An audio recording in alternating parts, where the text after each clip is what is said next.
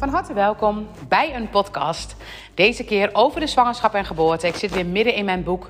En toevallig, nee nooit toevallig, word ik gebeld door een vrouw die een masterclass bij mij heeft gevolgd over de zwangerschap en de geboorte.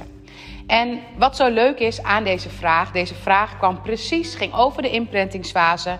En eigenlijk kwam de vraag precies toen ik begon aan het hoofdstuk over de imprinting. Zo lollig hoe alles samenvalt. En de vraag die ze had was super interessant. En ik dacht, ik ga er een podcast over opnemen. Want ik denk dat zoveel mensen niet weten hoeveel impact de zwangerschap en de geboorte op jouw leven heeft. En hoe je eigenlijk allemaal tools voor jezelf zou kunnen vinden wanneer je deze fase van jezelf weet.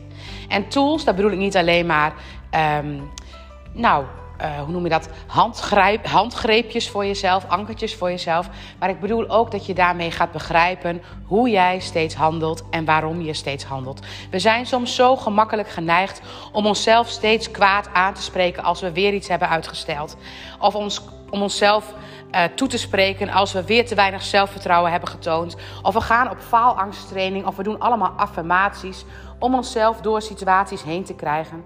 Terwijl het moment dat je jezelf gaat begrijpen waarom je het bent en doet zoals je doet, dat je daarmee veel meer begrip voor jezelf kunt krijgen.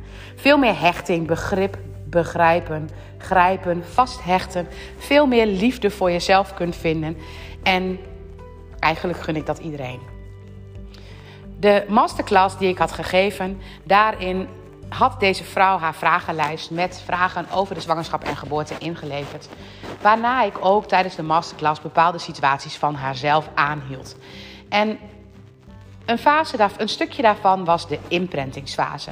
De imprintingsfase waar deze vrouw heel kwetsbaar was. Want ze was nog zo klein, ze was dismatuur. En dismatuur betekent dat je voor de termijn zeg maar, te klein en te kwetsbaar bent. En ja, dat er dus eigenlijk een beetje zorg om jou is. En die zorg die uitte zich in van alles. Haar moeder die eigenlijk een soort van overweldigd was door het feit dat ze er al was. En ook eigenlijk op dat moment bijna in een soort vriestoestand stond toen ze net geboren was. En eigenlijk de dokters en de mensen om haar heen die meer zorgen hadden om haar dan dat ze echt voor haar gingen zorgen. Ze hadden zorgen. En die zorgen, ze moest in de couveuse. Um, ze werd, ja, werd onderzocht, maar ook haar vader en moeder vonden het spannend om haar vast te houden. Haar vader heeft haar tot heel lang bijna niet vastgehouden, want hij was elke keer zo bang dat er iets zou gebeuren. Hij wilde haar heel graag, hij, hij was helemaal blij met de situatie, maar toch was hij bang om haar werkelijk aan te raken. Want straks gaat ze, gaat, gaat ze stuk, zeg maar, gaat er iets mis.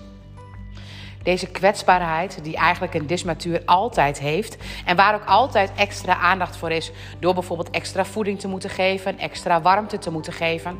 Dat is een kwetsbaarheid die bij een kind ook een imprinting na kan laten. Want als jij op deze manier bent geboren, ja, dan moeten mensen wel uitkijken als ze jou willen gaan aanraken. En eigenlijk zeg maar is het belangrijk voor jou om misschien wel een extra schildje om je heen te bouwen, want je bent van binnen kwetsbaar. En de manier waarop jij als baby onbewust ja, toegesproken wordt, benaderd wordt, dat voel jij bij jezelf. En mag iemand jou wel op die manier benaderen? Mag iemand dicht bij jou komen? Of is het juist spannend om iemand heel dicht bij jou te laten? Want dat was in het begin bij jou ook heel spannend. En wanneer je gaat zien hoe dat in deze eerste fase liep en hoe dat nu in je leven is, dan zijn daar vaak heel veel overeenkomsten. Heel veel dingen zijn precies hetzelfde. En wat had jij daar nodig? Eigenlijk had je nodig dat er, of je nou kwetsbaar was, ja of nee, dat je op de meest veilige plek was waar je maar zou kunnen zijn. En ouders denken op dat moment, nou, dat is wellicht wel in het wiegje, want dan kan ze ook niet vallen. Alleen voor een kindje is dat wel alleen liggen. Hoe zou het zijn als dit kindje de hele tijd op de borst bij de moeder had kunnen liggen? Bij mama die het veilig vindt. Bij mama die weet dat zij de veiligste haven is voor dit kindje. Maar dat gebeurde niet. En wat ze eigenlijk zou mogen leren, is zichzelf in handen te geven van iemand die voor haar een moederfiguur is. En het hoeft helemaal niet haar moeder te zijn, maar van iemand die zij volledig vertrouwt. En dan kijken of ze zich kan overgeven aan haar kwetsbaarheid. Haar kwetsbaarheid waar ze wellicht haar hele leven al een soort van tegen vecht. En dat is precies wat ze herkende.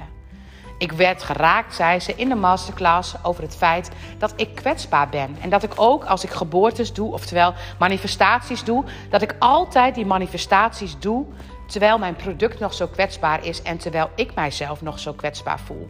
En dan is het soms ook lastig om juist die manifestaties te doen. Want als ik dat doe, het voelt zo kwetsbaar en dan kom ik automatisch weer in die eerste situatie terecht. En ik begreep haar zo goed in dat stuk. En eigenlijk het enige wat ze nodig heeft en wat we dus ook gaan doen in een live dag, dat is haar in een veilige bedding die kwetsbaarheid laten voelen. Want als ze die kwetsbaarheid mag zijn, als ze daarin mag landen, dan zou het zomaar kunnen zijn dat geboortes haar veel gemakkelijker afgaan.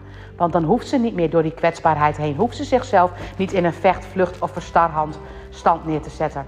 Dan mag ze vanuit haarzelf, vanuit haar eigen gevoel, vanuit haar eigen kwetsbaarheid alle geboortes doen die ze graag zou willen doen.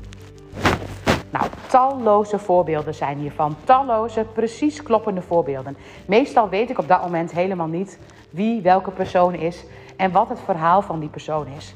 Maar altijd, nou ik zeg echt gewoon altijd, als die persoon dat stukje ziet bij zichzelf en dat stukje aanraakt, dan weten ze precies, dit is van mij en dit heeft het met mij gedaan.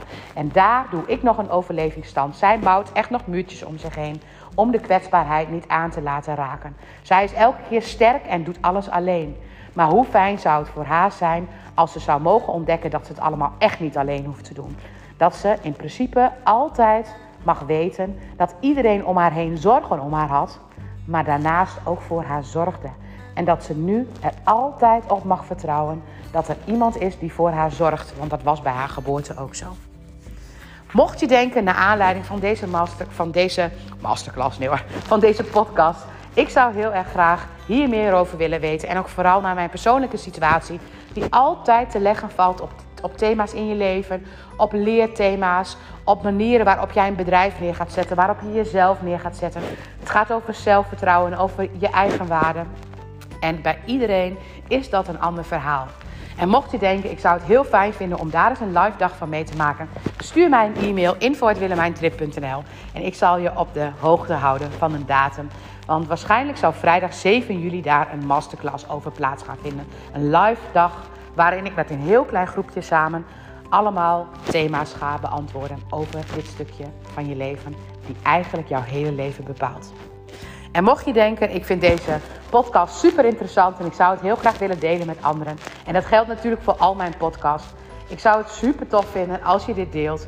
Want zelf heb ik het gevoel, hoe meer mensen dit weten, hoe meer mensen op deze manier kijken. Het werkt als de honderdste aap, honderdste aap-principe. Het moment dat honderd apen hetzelfde gaan doen, dan ga je op een gegeven moment zien dat de hele wereld hetzelfde gaat doen.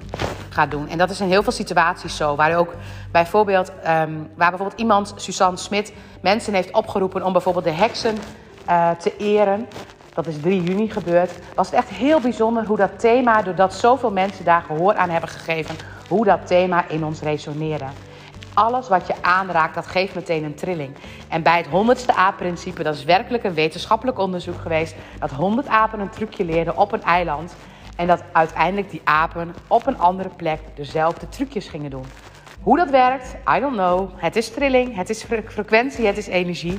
Maar het moment dat je weet dat het zo werkt, hoe gaaf zou het zijn als we proberen om zoveel mogelijk mensen mee te nemen om dit zoveel mogelijk te kunnen verspreiden. Dus ik zou je heel dankbaar zijn.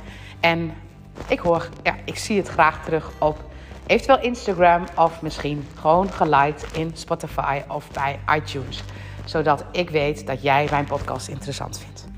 Dankjewel voor het luisteren.